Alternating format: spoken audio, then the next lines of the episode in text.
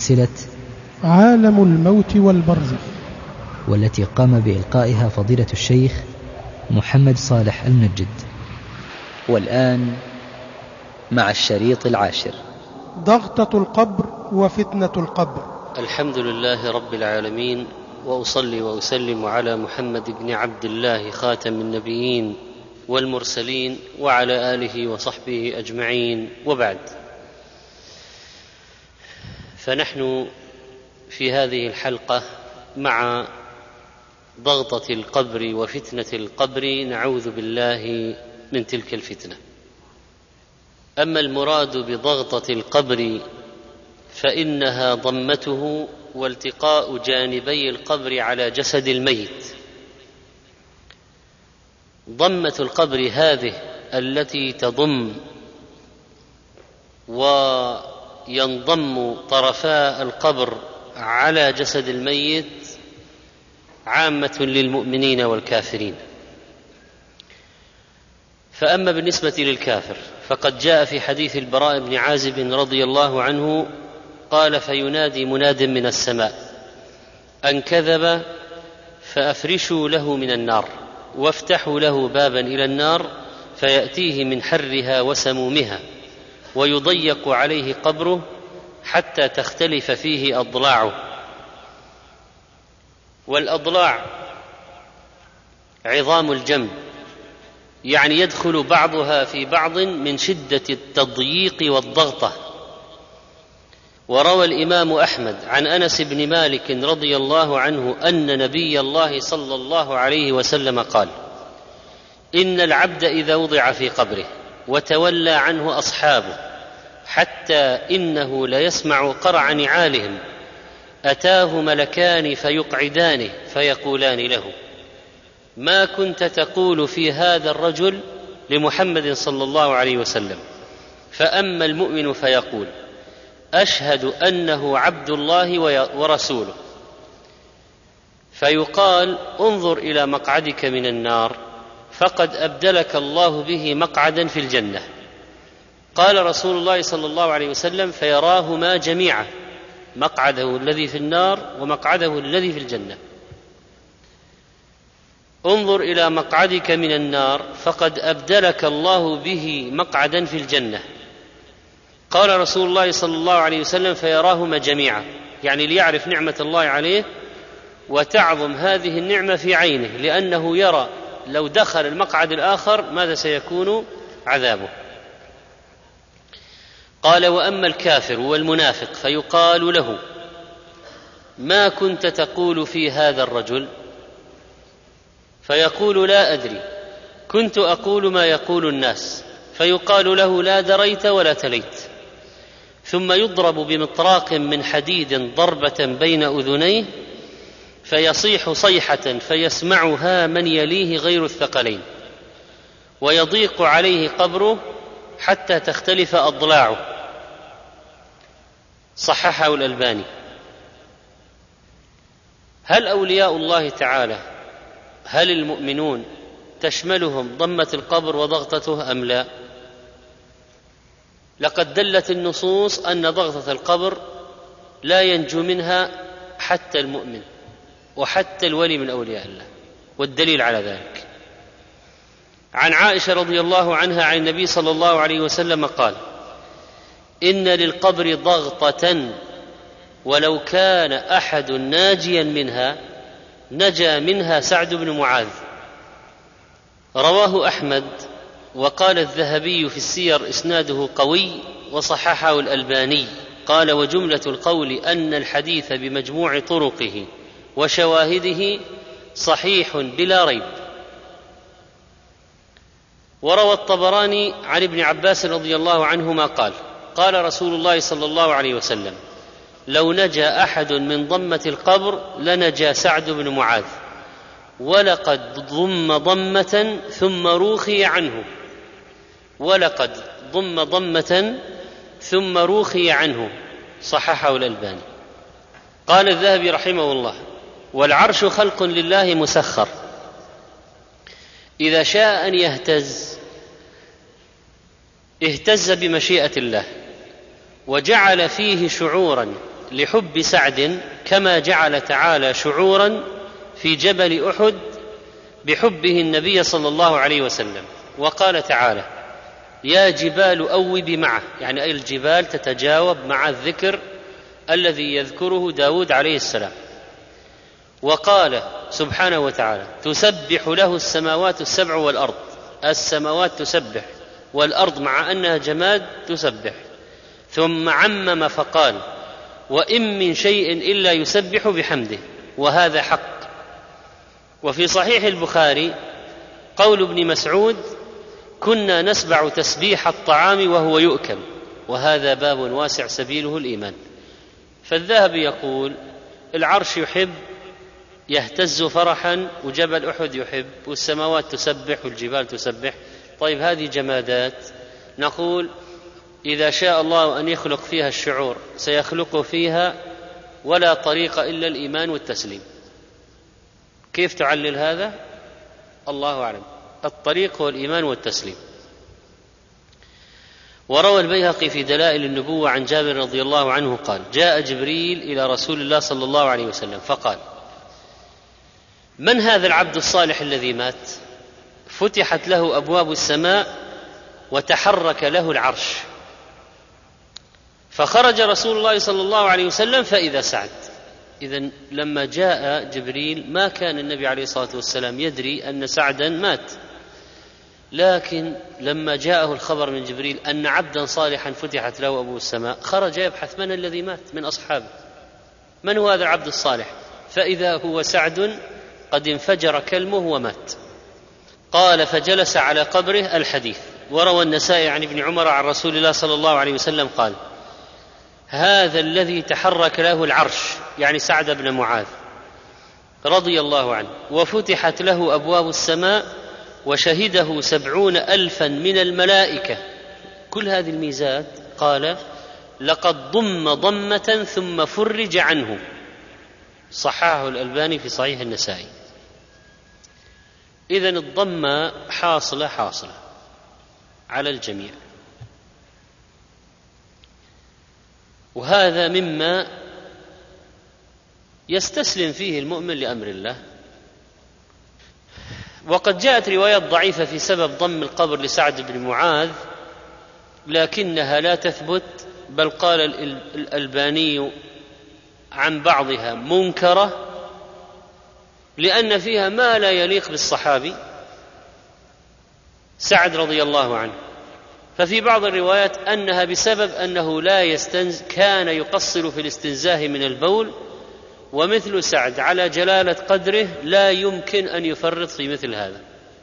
وهو من الأنصار وكانوا يحسنون التطهر بالماء وقد قال الله إن الله يحب التوابين ويحب المتطهرين ونزلت في أهل قباء نزلت فيهم لأنهم يحسنون الطهارة. اذا لو نجا أحد لنجا سعد الذي ضحى بمكانه لرسول الله صلى الله عليه وسلم تنازل عن ملكه لرسول الله صلى الله عليه وسلم كان اميرا على قومه وجاهد مع رسول الله عليه الصلاة والسلام واليهود كانوا حلفاؤه ضحى بهم وأفتى بقتل رجالهم واسترقاق نسائهم وأطفالهم ووافق حكم الله من فوق سبع سماوات. هذا الذي اهتز العرش فرحا باستقباله لما مات. هذا الذي شيعه سبعون ألف من الملائكة. هذا الذي فتحت له أبواب السماء. ضم في القبر لما وضع. ولو نجا أحد لنجا سعد. طيب إذا كان الأمر كذلك فما الحكمة من ضمة القبر؟ فأما بالنسبة للكافر فإنها تكون عذابا وأما بالنسبة للمؤمن فإنها تطهير له وكفارة ورفع لدرجاته. قال العلماء جميع ما يحصل للمؤمن من أنواع البلايا حتى في أول منازل الآخرة وهو القبر وعذابه وأهواله هو مما اقتضته الحكمة الإلهية من التطهيرات ورفع الدرجات. ولا ينافي ضم القبر لسعد رضي الله عنه اهتزاز العرش فرحا بموته لأن دون البعث زلازل وأهوال لا يسلم منها ولي ولا غيره ثم ننجي الذين اتقوا. قال الذهبي رحمه الله في السير تعليقا على حديث سعد رضي الله عنه. هذه الضمة ليست من عذاب القبر في شيء بالنسبة للمؤمن بل هو أمر يجده المؤمن كما يجد ألم فقد ولده وحميمه في الدنيا وكما يجد من ألم مرضه.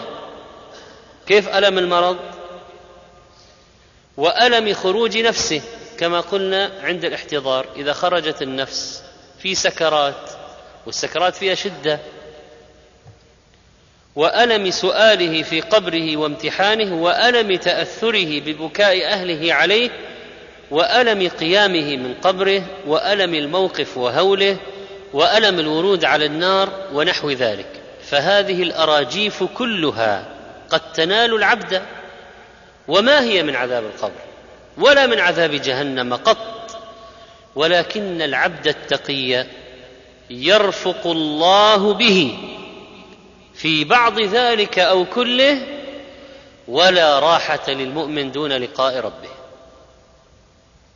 فنسأل الله تعالى العفو واللطف الخفي ومع هذه الهزات يقول الذهبي فسعد ممن نعلم أنه من أهل الجنة وأنه من أرفع الشهداء رضي الله عنه كأنك يا هذا تظن أن الفائز لا يناله هول في الدارين ولا روع ولا ألم ولا خوف سل ربك العافية وأن يحشرنا في زمرة سعد.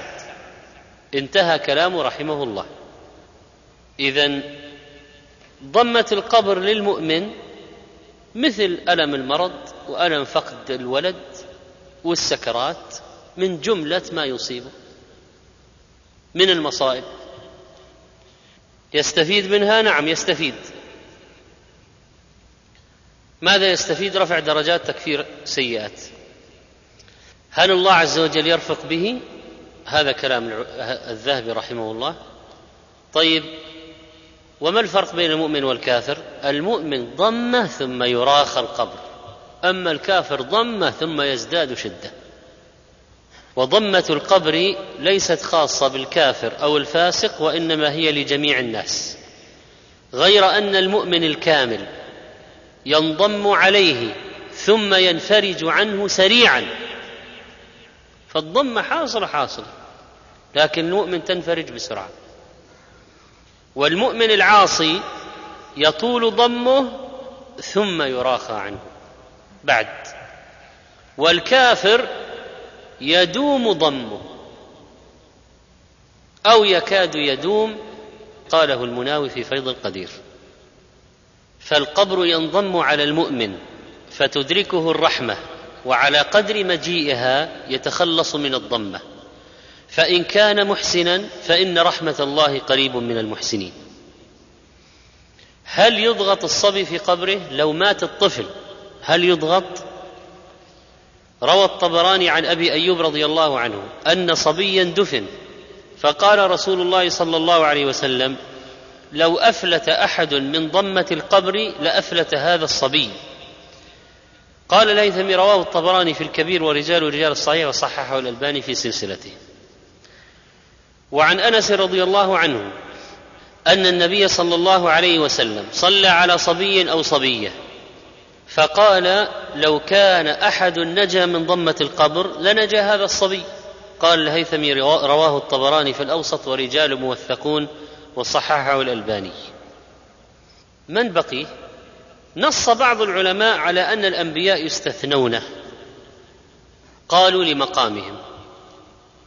ولم يذكر بعض من قال هذا دليلا على استثناء الأنبياء. وذكر بعضهم أن الأولياء يستثنون ولكن كلامه مردود بحديث سعد. فإن سعدا من أولياء الله ولا شك. ومع ذلك لم يستثنى. ورد حديث في استثناء فاطمة بنت أسد أم علي بن أبي طالب رضي الله عنهما. وهذا الحديث رواه الطبراني عن ابن عباس قال لما ماتت فاطمة أم علي خلع رسول الله صلى الله عليه وسلم قميصه وألبسها إياه ونزل في قبره عليه الصلاة والسلام قال فلما سوى عليها التراب قال بعضهم يا رسول الله رأيناك صنعت شيئا لم تصنعه بأحد قال إني ألبستها قميصي لتلبسها من ثياب الجنة ثم قال في سبب نزولي في القبر معها قال لأخفف عنها من ضغطة القبر إنها كانت أحسن خلق الله صنيعا إلي بعد أبي طالب لكن الهيثمي قال رواه الطبراني في الأوسط وفيه سعدان بن الوليد ولم أعرفه وبقية رجال ثقات. وكذلك ورد حديث ضعيف في الوقاية من ضغطة القبر. بل قال الألباني في سلسلة موضوع وهو حديث عبد الله بن الشخير مرفوعا من قرأ قل الله أحد في مرضه الذي يموت فيه لم يفتن في قبره وأمن من ضغطة القبر وحملته الملائكة يوم القيامة بأكفها حتى تجيزه من الصراط إلى الجنة. بعض بعض أهل العلم حاول حاول أن يقول إن الضغطة القبر هذه بالنسبة للمؤمنين مثل ضم الأم وليدها.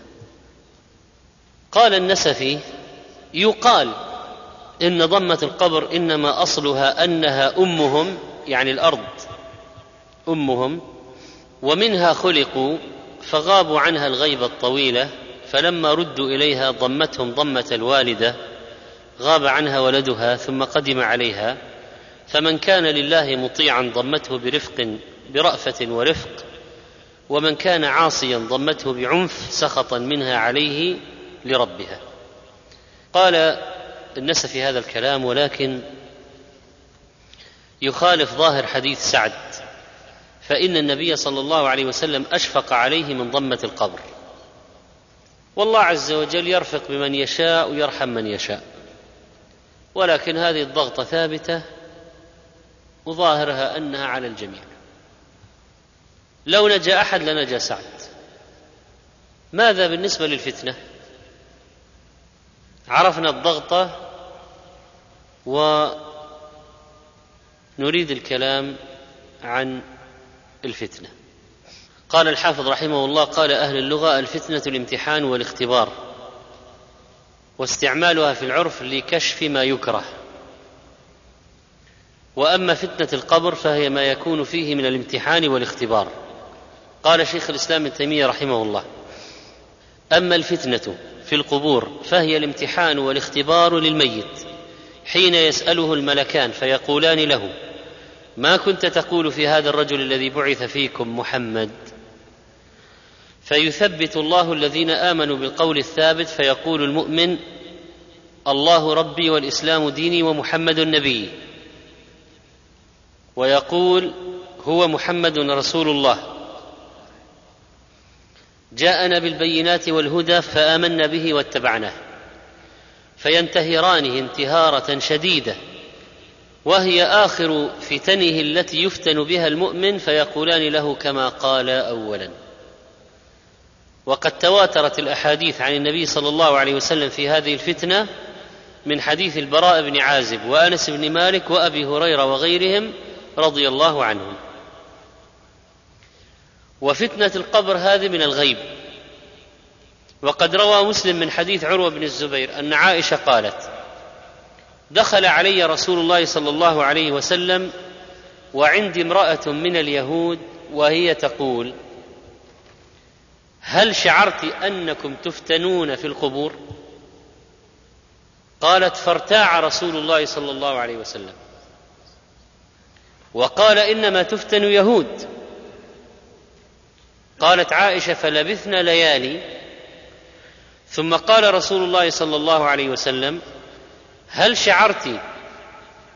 يعني هل علمت؟ أنه أوحي إلي أنكم تفتنون في القبور؟ قالت عائشة فسمعت رسول الله صلى الله عليه وسلم بعد يستعيذ من عذاب القبر. قولها فارتاع الارتياع الفزع. والمراد أنه صار ذلك الكلام عنده بمنزلة خبر لم يسبق به علم.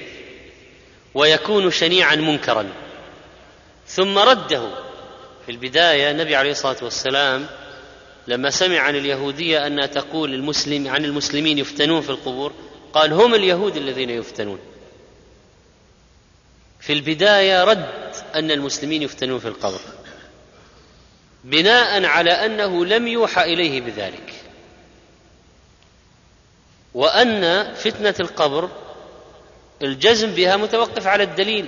ولما ولأنه عليه الصلاة والسلام ما كان عنده علم بهذا فقد رده في البداية. وفي هذا فائدة أنه يجوز إنكار الشيء ما لم يأتي الدليل على أنه حق. وأهل الكتاب كان عندهم علم بالمسألة هذه. الحديث يدل على ذلك. أن هذه اليهودية كانت تعلم بالعلم الذي كان عندهم من الكتاب السابق أن هناك فتنة في القبر. ثم أوحي إلى النبي عليه الصلاة والسلام بتأكيد ذلك. وروى الإمام أحمد عن عائشة قالت رضي الله عنها جاءت يهودية فاستطعمت على بابي فقالت أطعموني أعاذكم الله من فتنة الدجال ومن فتنة عذاب القبر. قالت فلم أزل أحبسها حتى جاء رسول الله صلى الله عليه وسلم. فقلت يا رسول الله ما تقول هذه اليهودية؟ قال وما تقول؟ قلت تقول أعاذكم الله من فتنة الدجال ومن فتنة عذاب القبر. قالت عائشة فقام رسول الله صلى الله عليه وسلم فرفع يديه مدا يستعيذ بالله من فتنة الدجال ومن فتنة عذاب القبر. ثم قال أما فتنة الدجال فإنه لم يكن نبي إلا قد حذر أمته الحديث. ثم قال فأما فتنة القبر فبي تفتنون وعني تسألون. فإذا كان الرجل الصالح أجلس في قبره غير فزع ولا مشعوف ثم يقال له فيم كنت؟ فيقول في الإسلام فيقال ما هذا الرجل الذي كان فيكم؟ فيقول محمد رسول الله صلى الله عليه وسلم جاءنا بالبينات من عند الله عز وجل فصدقناه. فيفرج له فرجة قبل النار فينظر إليها يحطم بعضها بعضا. فيقال له انظر إلى ما وقاك الله عز وجل. ثم يفرج له فرجة إلى الجنة فينظر إلى زهرتها وما فيها فيقال له هذا مقعدك منها. ويقال على اليقين كنت وعليه مت وعليه تبعث إن شاء الله. وإذا كان الرجل السوء أجلس في قبره فزعا مشعوفا فيقال له فيم كنت؟ فيقول لا أدري. فيقال ما هذا الرجل الذي كان فيكم؟ فيقول سمعت الناس يقولون قولا فقلت كما قالوا. فتفرج له فرج قبل الجنة فينظر إلى زهرتها وما فيها فيقال له انظر إلى ما صرف الله عز وجل عنك. حرمت. ثم يفرج له فرج قبل النار فينظر إليها يحطم بعضها بعضا ويقال له هذا مقعدك منها. كنت على الشك وعليه مت وعليه تبعث إن شاء الله. ثم يعذب. وصححه الألباني في صحيح الترغيب. قوله ولا مشعوف الشعف شدة الفزع حتى يذهب بالقلب. وذهب ابن حجر الهيتمي إلى أن النفي في الحديث لأصل الفزع وخالفه القاري فذهب إلى أن أصل الفزع ثابت وأن هذا هو الذي تدل عليه الأحاديث. الآن يقال للمؤمن ما هذا الرجل؟ ويقال له محمد بدون تعريفه بأنه رسول الله صلى الله عليه وسلم. فلماذا؟ قال العلماء لم يذكر في السؤال بوصف النبوة ولا بوصف يشعر التعظيم وإنما يقال ما هذا الرجل لئلا يصير تلقينا لأن الآن الموضع موضع اختبار وفي الاختبار يأتي السؤال مجردا عن التلقين. ولذلك يقولون ما هذا الرجل الذي بعث فيكم؟ ينظر إلى النار يحطم بعضها بعضا لأنها تحطم ما يلقى فيها ومن شدة المزاحمة التي تكون فيها.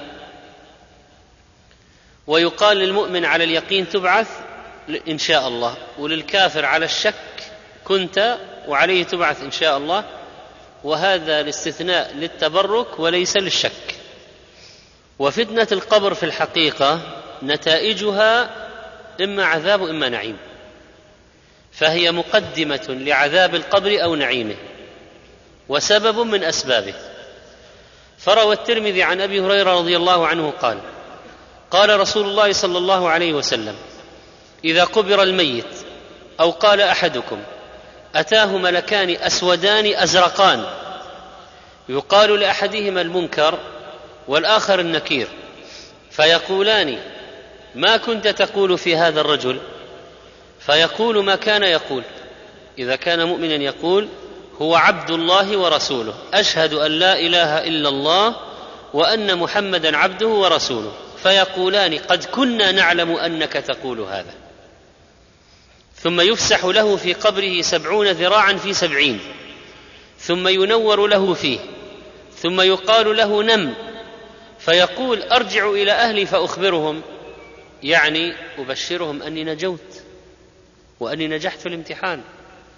فيقولان نم كنومة العروس الذي لا يوقظه إلا أحب اهله إليه حتى يبعثه الله من مضجعه ذلك. وإن كان منافقا قال سمعت الناس يقولون فقلت مثله لا أدري. فيقولان قد كنا نعلم أنك تقول ذلك. فيقال للأرض التئمي عليه فتلتئم عليه فتختلف فيها أضلاعه. فلا يزال فيها معذبا حتى يبعثه الله من مضجعه ذلك. وحسنه الألباني في صحيح الترمذي. اذا إذا قبر الميت ودفن جاءاه عند البخاري ومسلم فيقعدانه. في حديث البراء الذي تقدم معنا فتعاد روحه في جسده. في رواية ابن حبان عن أبي هريرة فإذا كان مؤمنا كانت الصلاة عند رأسه والزكاة عن يمينه والصوم عن شماله وفعل المعروف من قبل رجليه فيقال له اجلس فيجلس. وقد مثلت له الشمس عند الغروب. الحديث وسيأتي. وفي سنن ابن ماجه من حديث جابر قال النبي صلى الله عليه وسلم إذا دخل الميت القبر مثلت الشمس عند غروبها فيجلس يمسح عينيه ويقول دعوني أصلي إذا قعد تمثل له الشمس عند غروبها فيظن نفسه أنه قام من النوم فجأة وما صلى. العصر. فيقول دعوني أصلي. وحسنه الألباني في صحيح ابن ماجه. وقول مثلت يعني صورت. الله على كل شيء قدير. إذا قام المؤمن إذا أقعد في القبر تمثل له الشمس على وشك الغروب. عند غروبها. ويسأل ما هذا الرجل؟ ما كنت تقول في هذا الرجل؟ ما هذا الرجل الذي كان فيكم؟ قال القسطلاني رحمه الله عبر بذلك امتحانا لئلا يتلقن تعظيمه عن عبارة القائل. يقول ما كان يقول قبل الموت. قد كنا نعلم أنك تقول هذا الملكان يتكلمان وأن عندهما علم من الله عز وجل وأن في الميت هذا من النور والأثر ما يجعلانه ما يعلمان أنه من أهل السعادة؟ قال ثم يفسح يوسع سبعون ذراعا في سبعين الطول في العرض ثم ينور له فيه في هذا القبر الموسع والحديث حسن. المؤمن في قبره في روضة ويرحب له قبره سبعين ذراعا وينور له كالقمر ليلة البدر. اذا كيف النور في القبر بالنسبة للمؤمن؟ كالقمر ليلة البدر. وكيف الطول والعرض؟ سبعون في سبعين. ويملأ عليه خضرا إلى يوم يبعثون. فيقول الميت بعد ما نجح في الامتحان يقول لعظيم السرور الذي رآه دخل عليه التوسعة والإنارة والإخضرار. فيقول أرجع إلى أهلي أريد الرجوع أو هو استفهام؟ هل يمكن أن أرجع إلى أهلي لأخبرهم أن حالي طيب وأنه لا حزن علي ليفرحوا بذلك؟ فيقولان نم كنومة العروس. ليس الآن. لا رجوع الآن. نم كنومة العروس. يطلق على الذكر والأنثى في أول اجتماعهما في الزواج لكل واحد منهما عروس. نم كنومة العروس. الذي لا يوقظه إلا أحب أهله إليه. شبهه بنومة العروس دلالة على طيب عيشه في القبر. وعزته وتعظيمه عند أهله. من الذي يأتيه غداة ليلة زفافه؟ أعطف وأرفق وألطف. يوقظه على الرفق واللطف. نم كنومة العروس. لا يوقظه إلا أحب اهله إليه. حتى يبعثه الله في طيب العيش هذا في القبر في السعة والإنارة والإخضرار. مع الأنس بعمله الصالح الذي يكون معه يؤنسه. مع النظر إلى مقعده من الجنة. مع ما يأتيه من طيبها مع ما يلاقي من أرواح المؤمنين من إخوانه. مع ما يأكل من شجر الجنة. وإذا كان شهيدا مع ما يأوي إلى القناديل المعلقة تحت العرش. وأما الآخر سمعت الناس يقولون فقلت مثله لا أدري. هل هو نبي؟ ما هو نبي؟ لا أدري. فيقال للارض التئمي انضمي واجتمعي عليه. فتختلف اضلاع عظام الجنب تزول عن الهيئة المستوية التي كانت عليها من شدة الضغط وتجاوز جنبيه من كل جانب إلى الجانب الآخر فتتداخل الأضلاع في بعض. فلا يزال فيها أي في الأرض أو في تلك الحالة حتى يبعث يبعث الله من في القبور.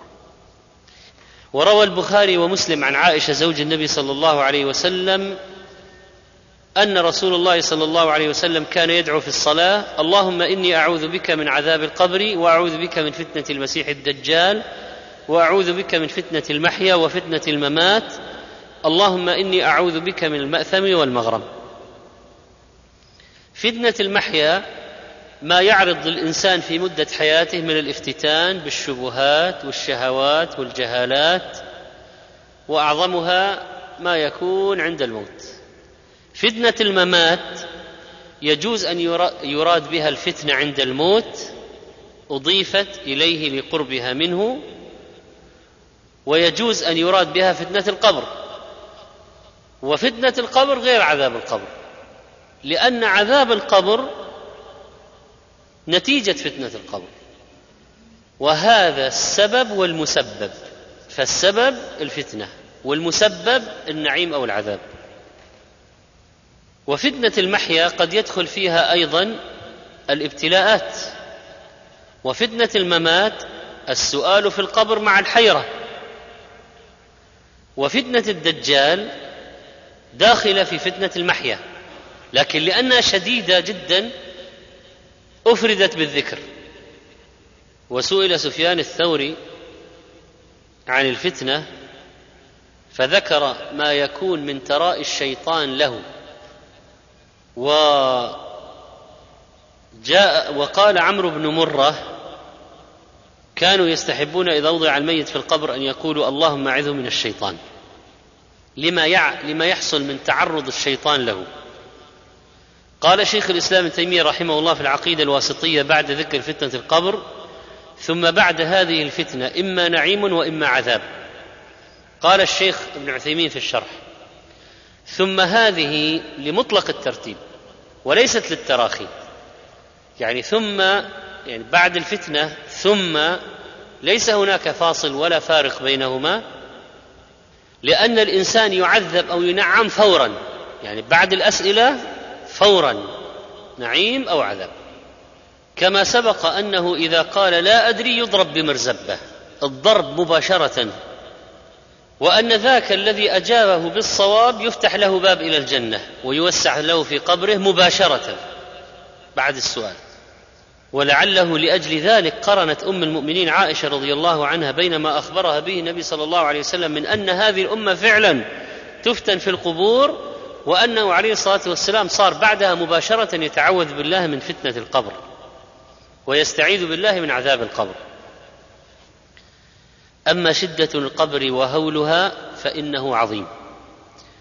وفي الصحيحين عن أسماء أنها قالت في صلاة النبي عليه الصلاة والسلام في الكسوف أنه قال لما انصرف من صلاته حمد الله واثنى عليه قال ما من شيء كنت لم أره إلا رأيته في مقامي هذا. حتى الجنة والنار. ولقد أوحي إلي أنكم تفتنون في القبور مثل أو قريبا من فتنة الدجال. يؤتى أحدكم فيقال له ما علمك بهذا الرجل؟ فأما المؤمن أو الموقن يقول محمد رسول الله صلى الله عليه وسلم جاءنا بالبينات والهدى فأجبنا وآمنا واتبعنا. فيقال له نم صالحا. قد علمنا فقد علمنا إن كنت لموقنا. وأما المنافق أو المرتاب لا أدري أيتهما قالت أسماء. فيقول لا أدري سمعت الناس يقولون شيئا فقلته وقال عليه الصلاة والسلام من حديث عائشة في صحيح مسلم إني قد رأيتكم تفتنون في القبور كفتنة الدجال. يعني فتنة شديدة جدا وامتحان هائل جدا لكن يثبت الله الذين آمنوا بالقول الثابت. فوجه الشبه بين فتنة الدجال وبين فتنة القبر لأنه قال أوحي إلي إني قد رأيتكم تفتنون في القبور كفتنة الدجال. كيف فتنة الدجال في الشدة والهول؟ والدجال معه أشياء تحير الألباب جنة ونار وأنهار ومعه أشياء يحيي الموتى بإذن الله أمام الناس. فإذا علمنا أن النبي عليه الصلاة والسلام قال ما بين خلق آدم إلى أن تقوم الساعة فتنة أكبر من فتنة الدجال؟ تبين لنا كيف يكون هول فتنة القبر. طيب أين الهول؟ طبعا الهول في أشياء عدة.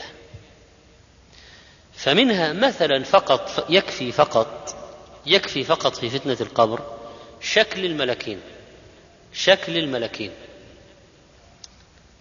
قال عليه الصلاة والسلام إذا قبر الميت أتاه ملكان أسودان أزرقان. يقال لأحدهما المنكر والآخر النكير. رواه الترمذي وحسنه الألباني. أزرقان يعني الزرقة في العين. أسودان في المنظر الشكل. أسودان أزرقان. سواد اللون مع زرقة العينين. هذا منظر مخيف جدا. يقال لأحدهما المنكر والآخر النكير لأنه لا يعرفهما أحد والمنكر ضد المعروف فليس بمعروفين لأن الميت لم يعرفهما ولم يرهما من قبل ولم ير صورة مثل صورتهما أصلا. فيفاجأ بمنظر مخيف يفاجأ الميت بمنظر مخيف. وفي حديث البراء فيأتيه ملكان شديدا الانتهار فينتهرانه ويجلسانه فيقولان من ربك؟ وهذه الشدة ينهار لها كل قوي إلا من ثبته الله. وغير هذا بيد الملك مطراق مرزبة فإذا رأى الشخص في قبره ملكان أسودان أزرقان مع واحد مع الواحد مرزبة كيف سيكون يعني أنت أنت الآن في الاختبار الاختبارات هذه اختبارات الدنيا العادية هذه إذا إذا صرت مفزوع من شيء تستطيع تجيب؟ إذا واحد حالته النفسية قالوا هذا مربوش في الاختبار يستطيع يجيب؟ فإذا المسألة هذه تحتاج فعلا إلى تفكير منا كثير جدا لأن الاستعداد لها مهم جدا. والقضية أكبر ما أكبر ما يستعد لها به الإيمان يعني. هذه مسألة يبغى الإيمان جازم وعمل صالح. شكوك آه، إيمان ضعيف المسألة خطيرة والانتهار والخوف هذا الذي سيعتري الميت في القبر خوف عظيم.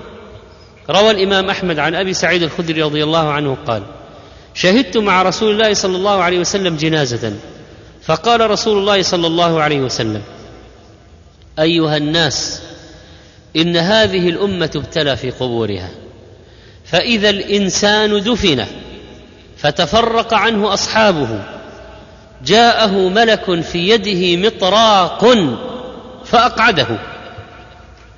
قال ما تقول في هذا الرجل؟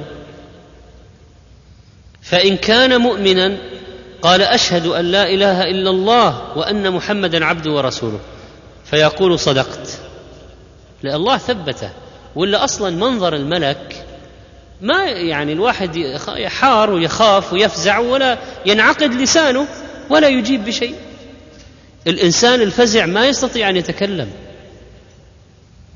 فلولا أن الله ثبته بما كان عليه في الدنيا من الإيمان والعمل الصالح ولا ما استطاع يجيب. جاءه ملك في يده مطراق فأقعده. قال ما تقول في هذا الرجل؟ فإن كان مؤمنا قال أشهد أن لا إله إلا الله وأن محمدا عبده ورسوله. فيقول صدقت. ثم يفتح له باب إلى النار. فيقول هذا كان منزلك لو كفرت بربك. فأما إذا آمنت فهذا منزلك. فيفتح له باب إلى الجنة. فيريد أن ينهض إليه فيقول له اسكن. لأنه إذا رأى ما له من الجنة اشتاق أن يذهب مباشرة يدخل من هذا الباب إلى الجنة فيقال له اسكن. ويفسح له في قبره. وإن كان كافرا أو منافقا يقول له ما تقول في هذا الرجل؟ فيقول لا أدري سمعت الناس يقولون شيئا. فيقول لا دريت ولا تليت ولا اهتديت. ثم يفتح له باب إلى الجنة فيقول هذا منزلك لو آمنت بربك. فأما إذا إذ كفرت به فأما إذ كفرت به فإن الله عز وجل أبدلك به هذا لتعظم الحسرة. لماذا يرى مقعده من الجنة لو آمن؟ ليعلم ما حرم منه فتعظم الحسرة. ويفتح له باب إلى النار. ثم يقمعه قمعة بالمطراق يسمعها خلق الله كلهم غير الثقلين. قال بعض القوم الصحابة لما يسمعوا الكلام هذا لما يستقبلوه خوفهم خشيتهم لله عظيمة. قال بعض القوم يا رسول الله ما أحد يقوم عليه ملك في يده مطراق إلا هبل عند ذلك. ملك في يده مطراق يعني من الذي يثبت الآن ليجيب؟ من الذي سيكون عنده قلب ورابط الجأس حتى يجيب؟ وملك على رأسه بمطراق فقال رسول الله صلى الله عليه وسلم يثبت الله الذين آمنوا بالقول الثابت. وصححه الألباني في السلسلة. ملكان وفي رواية ملك معه مطراق والمطراق آلة الضرب ومر معنا في حديث البراء مرزبة. ومعنى هبل أي فقد عقله من شدة الخوف والفزع. قال الشيخ ابن عثيمين وما أعظمها من فتنة لأن الإنسان يتلقى فيها السؤال الذي لا يمكن الجواب عنه إلا على أساس متين من العقيدة والعمل الصالح. فيثبت الله المؤمن ولو كان ضعيف البنية ولو كانت امرأة أصلا في الدنيا سريعة الفزع لكنها إذا كانت من أهل الإيمان والدين وكان هذا الرجل من أهل الإيمان والدين. يثبته الله. ولذلك عائشة رضي الله عنها قالت يا رسول الله تبتلى هذه الأمة في قبورها فكيف بي وأنا امرأة ضعيفة؟ يعني إذا الرجل يخاف يفزع كيف أنا المرأة؟ فقال عليه الصلاة والسلام يثبت الله الذين آمنوا بالقول الثابت في الحياة الدنيا وفي الآخرة. قال الهيثمي رواه البزار ورجال ثقات والصحة الألباني في صحيح الترغيب. ولأجل ما أخبر به النبي صلى الله عليه وسلم من هول هذه الفتنة فزع الصحابة كما في البخاري من حديث أسماء. قام رسول الله صلى الله عليه وسلم خطيبا فذكر فتنة القبر التي يفتتن فيها المرء. فلما ذكر ذلك ضج المسلمون ضجة. وفي رواية النسائي قام رسول الله صلى الله عليه وسلم فذكر الفتنة التي يفتن بها المرء في قبره فلما ذكر ذلك ضج المسلمون ضجة حالت بيني وبين أن أفهم كلام رسول الله صلى الله عليه وسلم. يعني الصحابة ما تحملوا لما سمعوا كلام ما تحملوا. وفي البخاري ولغط نسوة من الأنصار فانكفأت إليهن لأسكتهن. فقلت لعائشة ما قالت؟ فقلت لعائشة ما قال؟ قالت قال ما من شيء لم أكن أريته إلا قد رأيته في مقامي هذا حتى الجنة والنار وإنه قد أوحي إلي أنكم تفتنون في القبور. لقد كان النبي عليه الصلاة والسلام يستعيذ بالله من شرها حتى أنه كان يقول اللهم إني أعوذ بك من الكسل والهرم والمأثم والمغرم ومن فتنة القبر وعذاب القبر. من الثنتين من فتنة القبر وعذاب القبر.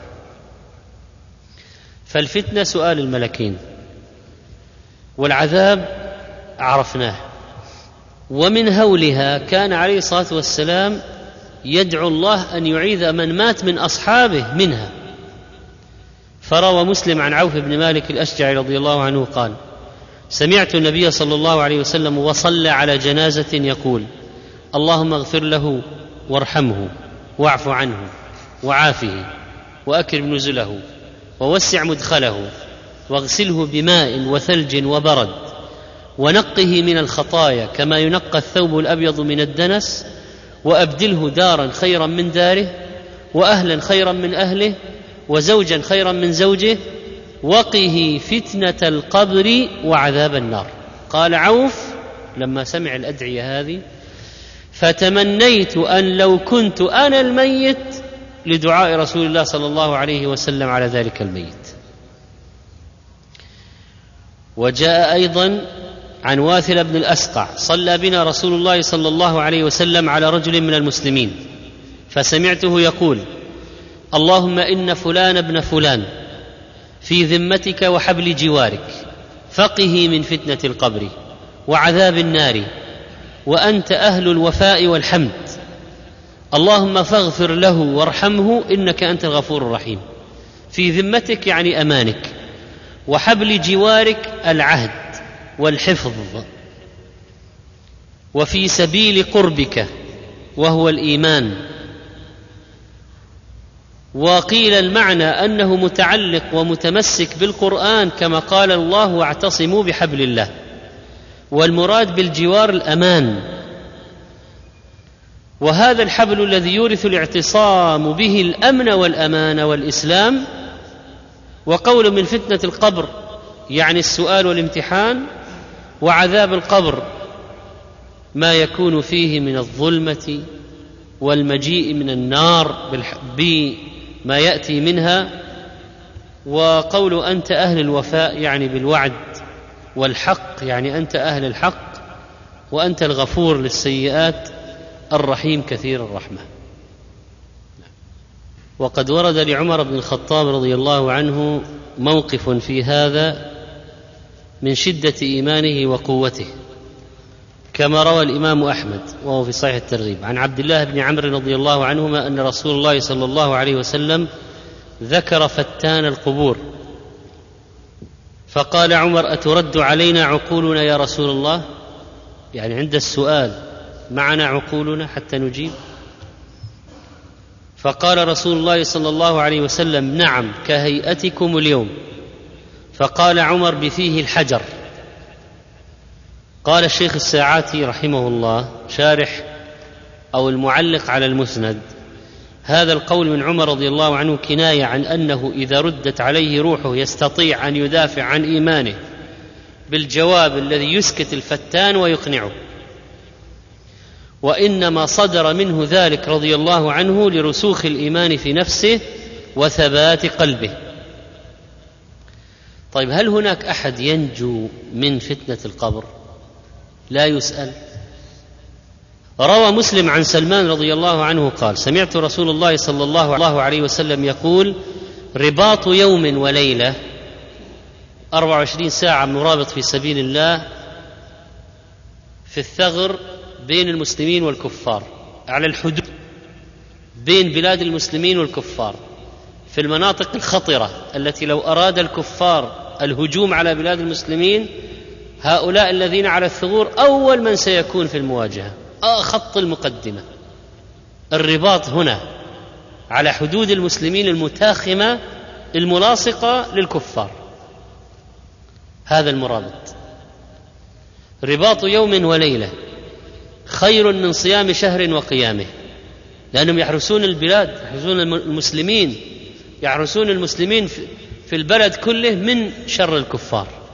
لأنهم يتلقون الضربه أول ما تحدث لأنهم يتلقون الهجمه أول ما تحدث. فوضعهم خطير أهل الرباط.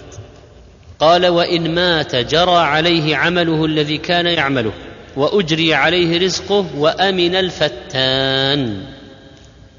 قال النووي رحمه الله هذه فضيلة ظاهرة للمرابط وجريان عمله بعد موته فضيلة مختصة به لا يشاركه فيها أحد وقد جاء صريحا في غير مسلم كل ميت يختم على عمله. إلا المرابط فإنه ينمى له عمله إلى يوم القيامة. لأن في خوف هذا الذي يحرس مع الخوف الشديد وثابت. وقول عليه الصلاة والسلام وأجري عليه رزقه موافق لقول الله في الشهداء أحياء عند ربهم يرزقون.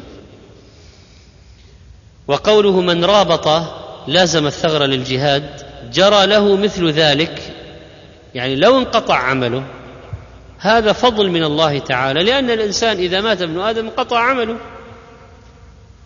وهذا فدى بنفسه المسلمين. وكان شوكة في حلوق الكافرين. وكان حارسا يقظا لأهل الإسلام. ولذلك يقيه الله الفتان أو الفتان. الفتان جمع فاتن والفتان صيغة مبالغة. والمراد المنكر والنكير. فإنهما لا يأتيان إليه للسؤال. إذا مات المرابط لا يأتيان إليه للسؤال. بل يكفي موته مرابطا في سبيل الله يكفي ذلك شاهدا على صحة إيمانه فلا يأتيانه. وقيل إذا أتياه لا يضرانه ولا يزعجانه. وفي رواية الترمذي عن فضالة بن عبيد رضي الله عنه عن رسول الله صلى الله عليه وسلم قال: كل ميت يختم له على عمله إلا الذي مات مرابطا في سبيل الله فإنه ينمى له عمله إلى يوم القيامة ويأمن من فتنة القبر. رواه الترمذي وصححه الألباني. وربط نفسه وسجنها وصيرها جيشا لله لمحاربة أعدائه فإذا مات على هذا فقد ظهر صدقه فوقي فتنة القبر. نقل السيوطي عن ابن حجر أن الميت بالطاعون لا يسأل لأنه نظير المقتول في المعركة.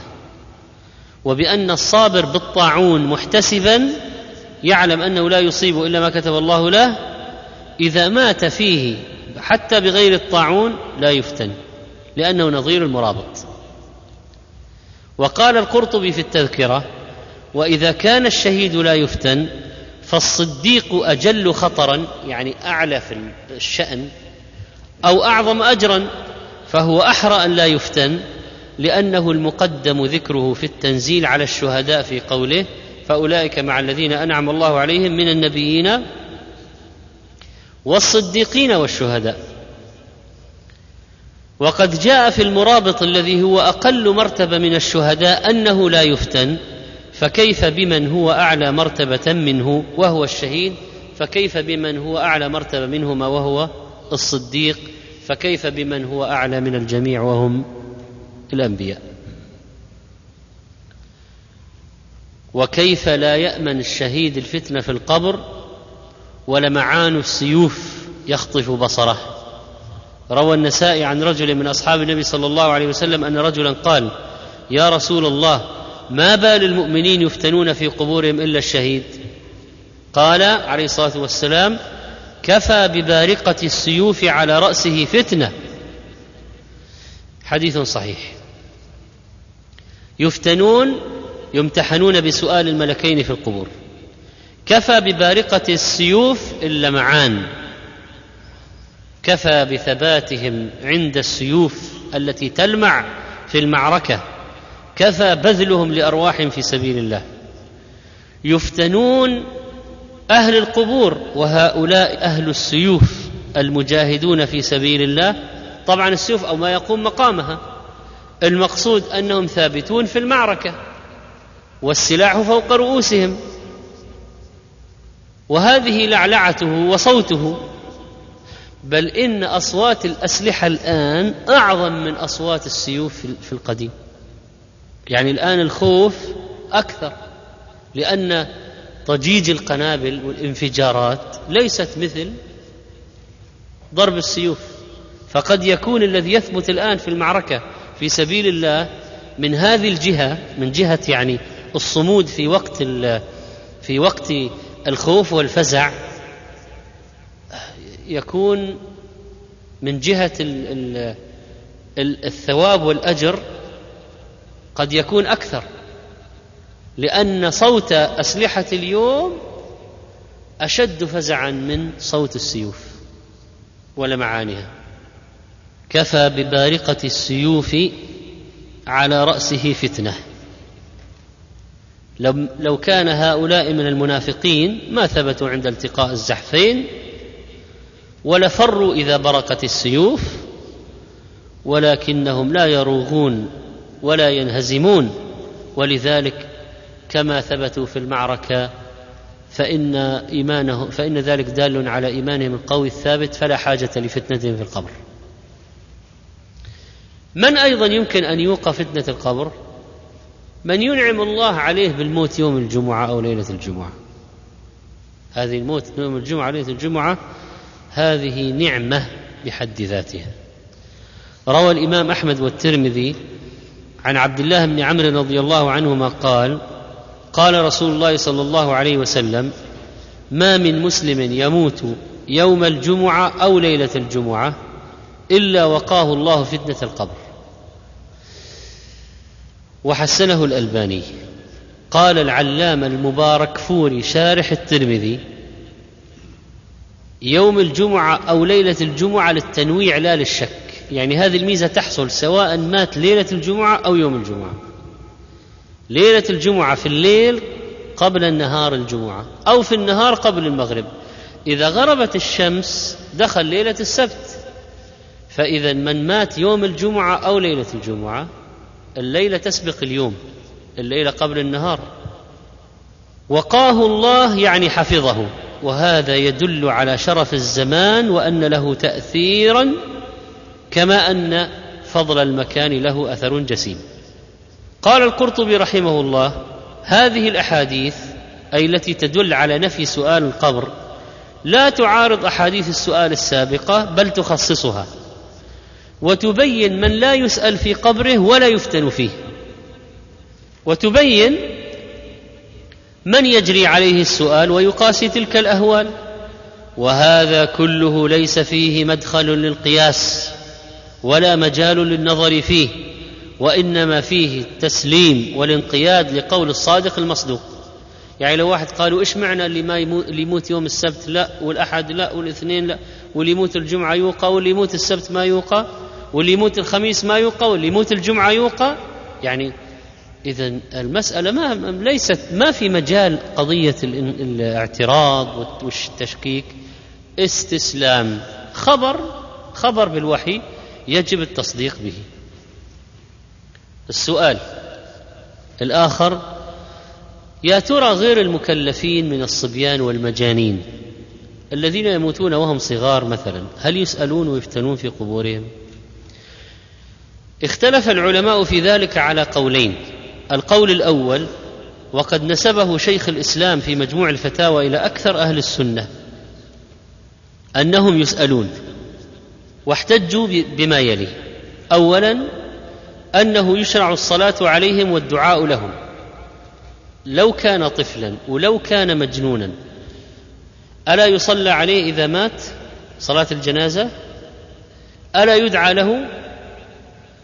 وسؤال الله أن يقيهم عذاب القبر وفتنة القبر كما رواه مالك في الموطأ عن يحيى بن سعيد أنه قال سمعت سعيد بن المسيب يقول صليت وراء أبي هريرة رضي الله عنه على صبي لم يعمل خطيئة قط فسمعته يقول اللهم أعذه من عذاب القبر.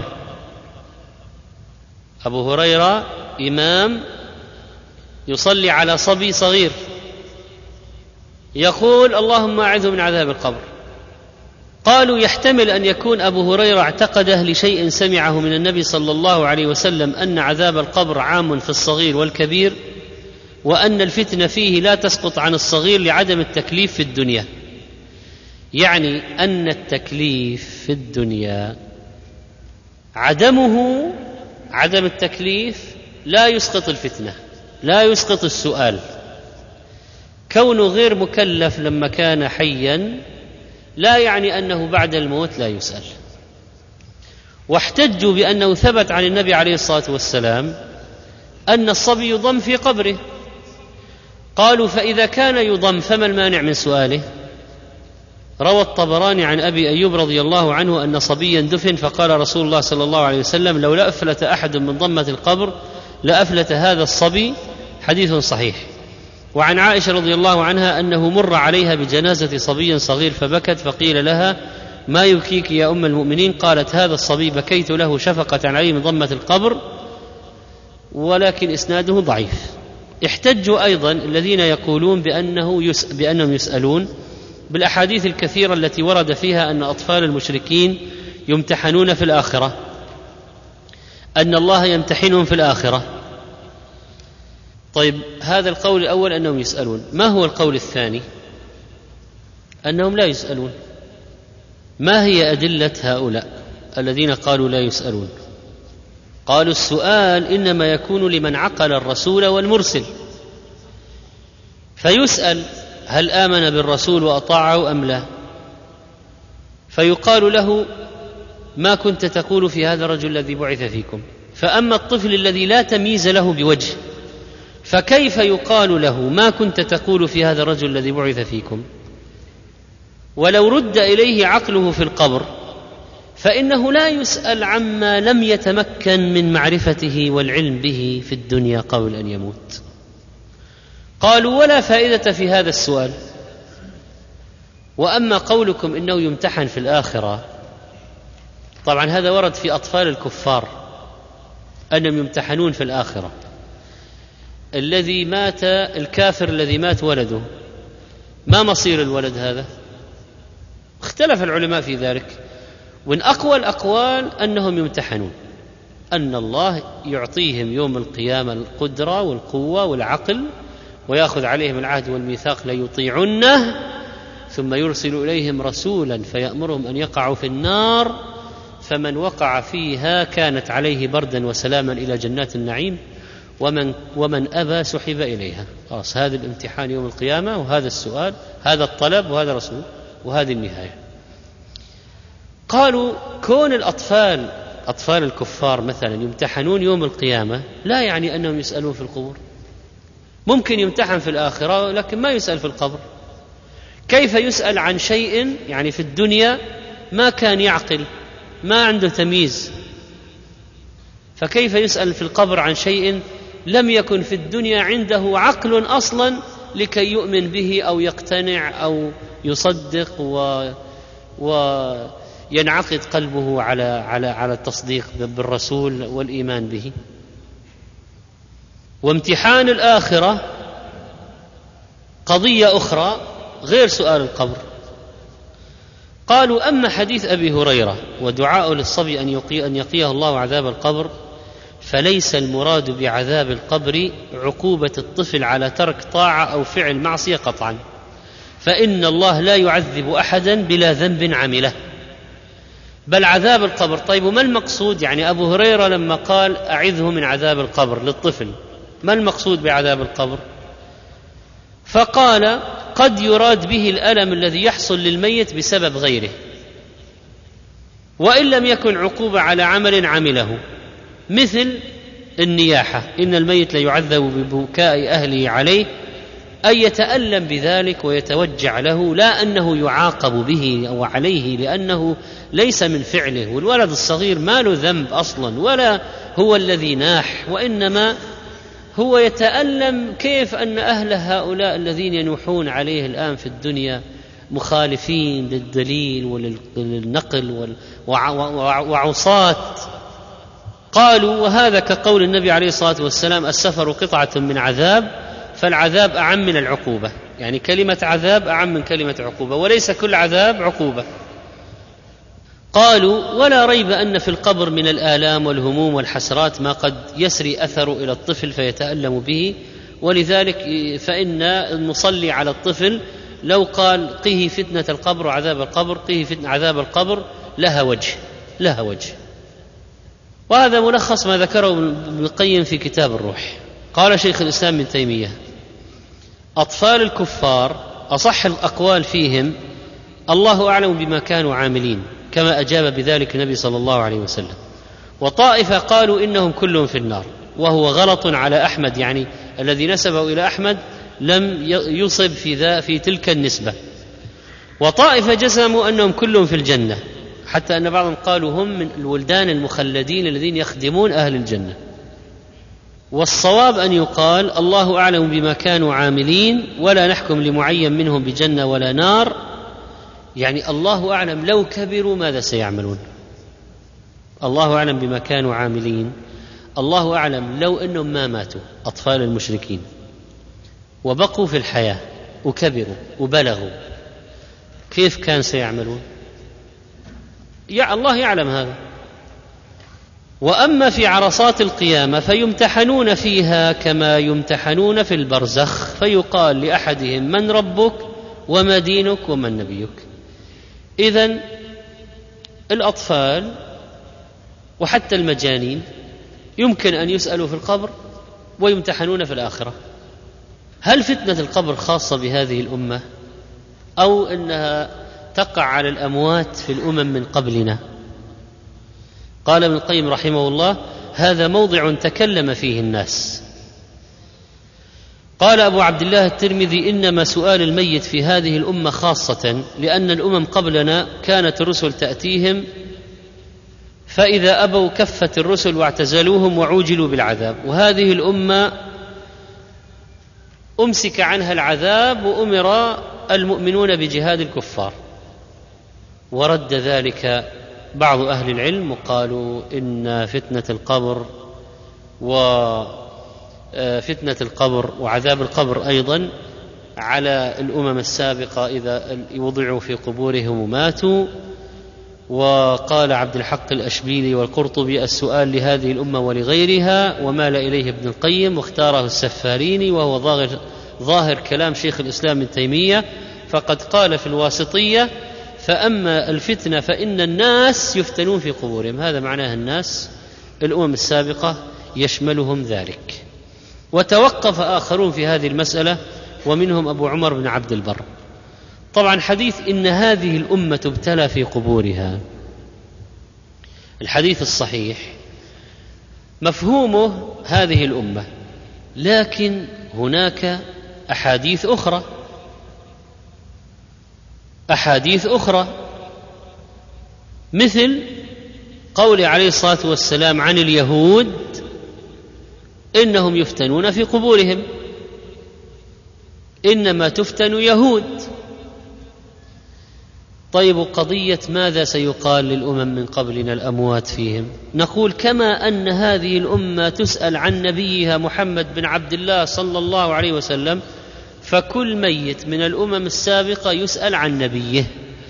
فالميت الذي يموت من قوم موسى يسأل عن موسى والميت الذي يموت من قوم عيسى يسأل عن عيسى وهكذا. طيب وتعليلهم بأن الكفار في الأمم السابقة كان ينزل عليهم عذاب من الله بعد انتهاء المواجهة بينهم بين الرسل. يهلك الله الكفار صيحة حجارة صاعقة ريح شديدة الغرق خلاص ينتهون. وأن الجهاد في هذه الأمة فيقال بل في الأمم السابقة قد صح أيضا أن أنه كان هنالك جهاد عندهم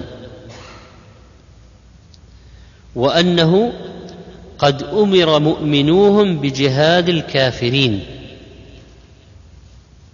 بجهاد الكافرين. وكان العذاب ينزل على المكذبين من الله تعالى فيأخذهم جميعا. فكفار قوم نوح أخذهم الله جميعا. كفار قوم عاد قوم ثمود. قوم لوط قوم شعيب أخذوا جميعا.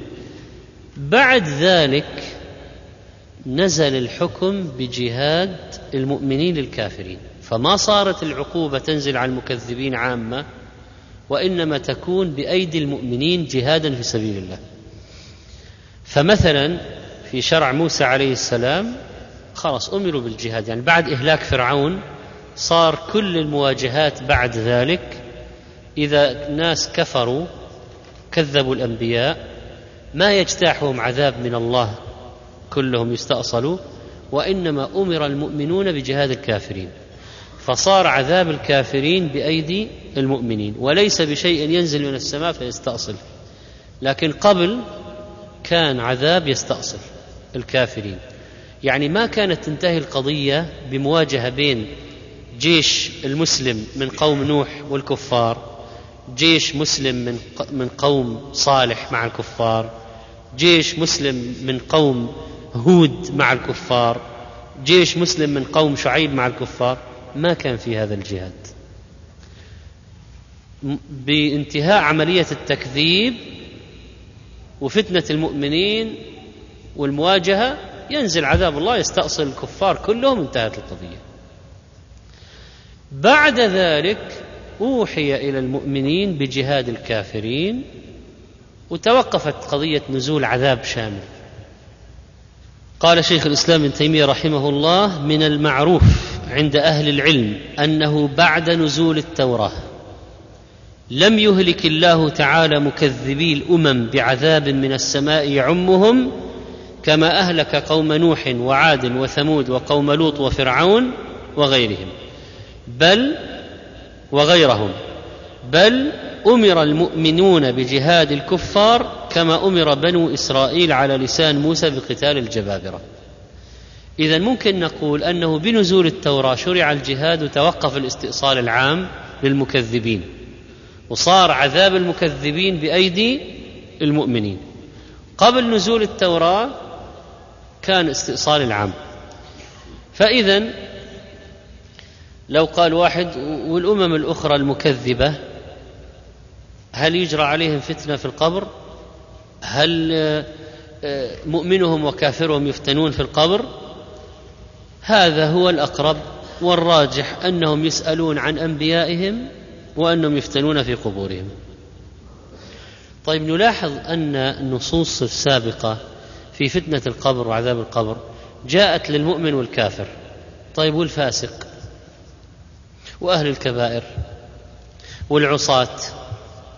يعني المؤمن عرف أمره. المؤمن يثبت يثبته الله ونعيم القبر وفسح القبر وتنوير القبر واخضرار القبر ونومة العروس وباب إلى الجنة. طيب والكافر عرفنا يضيق تختلف أضلاعه والمرزبة ويصير ترابا ويعيده الله كما كان وضربة ينزل في الأرض ويضيق عليه القبر تختلف أضلاعه. وعمله السيء يتعذب به وبمنظره وبرائحته الكريهة وباب إلى النار والحسرة على باب الجنة الذي قفل. طيب. الفاسق صاحب الكبائر والعاصي وهو موحد. ما هو مصيره؟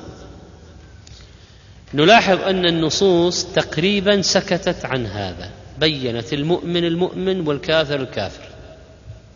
ولذلك فإنه يقال من ثبته الله ثبت ومن أزاغه الله هلك. وكون يقع عذاب على أهل الكبائر في القبور هذا مؤكد. فإن النبي عليه الصلاة والسلام قد أخبر عن الذي لا يستنزه من البول والماشي بالنميمة وأكل الربا والزاني والزانية والكذاب الذي ينشر الكذب أخبر عن الذي ينام عن صلاة الفجر في عذاب في القبر عليهم. لكن هل هؤلاء يعذبون في القبر ثم يرفع العذاب إذا كان ما مضى منه مكفرا لسيئاتهم؟ وإذا ما كان كافي استمر العذاب إلى أن يبعث الله من في القبور. ثم يعذبون في المحشر بدنو الشمس والعرق والزحام والكروبات. وإذا ما كان يكفي دخلوا النار. فاذا هو وسيئاته. إذا كانت سيئاته كثيرة جدا ربما يطول عذابه في القبر وفي البعث وفي النار.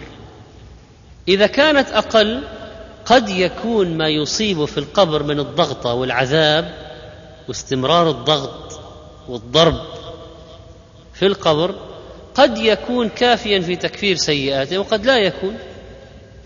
وقد يعذب في قبره مدة ثم يرفع عنه العذاب. فحسب السيئات حسب السيئات. فمن ثقلت موازينه فأولئك هم المفلحون ومن خفت موازينه فأولئك الذين خسروا أنفسهم. الكافر هل يسأل في القبر؟ يسأل. ولماذا لا يسأل؟ وقد ثبتت الأدلة بذلك. وقد قال تعالى فوربك لنسألنهم أجمعين عما كانوا يعملون. فلنسألن الذين أرسل إليهم ولنسألن المرسلين. فإذا سئل يوم القيامة فلماذا لا يسألون في قبورهم؟ ماذا بالنسبة للأنبياء؟ هل يسألون في القبر؟ هل النبي عليه الصلاة والسلام يقال له من نبيك؟ ما هل يسأل موسى وعيسى والأنبياء؟ اختلف في الأنبياء هل يفتنون أم لا؟ وقال بعض العلماء أما الأنبياء فلا تشملهم الفتنة ولا يسألون لوجهين. أن الأنبياء أفضل من الشهداء. وبما أن الشهداء يقيهم الله فتنة القبر والفتنة هي السؤال. فإذا الأنبياء من باب أولى. ثانيا أن الأنبياء يسأل عنهم. فيقال الميت من نبيك؟ فهم مسؤول عنهم وليسوا بمسؤولين. هذا ما يتعلق بفتنة القبر والسؤال. وصلى الله على نبينا محمد جزا الله الشيخ خير الجزاء. وجعل ما قدم في موازين حسناته.